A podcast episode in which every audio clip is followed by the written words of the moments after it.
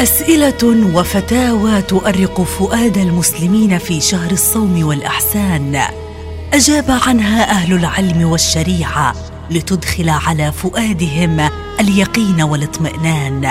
وبين الجواز والنهي والمكروه والمستحب سنقدم لكم قطوفا من الفتاوى الدينية في برنامجكم الرمضاني فتاوى رمضانية مع فضيلة الشيخ ياسين أبو خصوان هل يجوز الفطر لمن يعمل بالأعمال الشاقة كالخباز وعامل الباطون وغيرهم؟ أجاب على هذا السؤال فضيلة الشيخ لؤي الشربجي بالاتي الحمد لله والصلاة والسلام على رسول الله وبعد.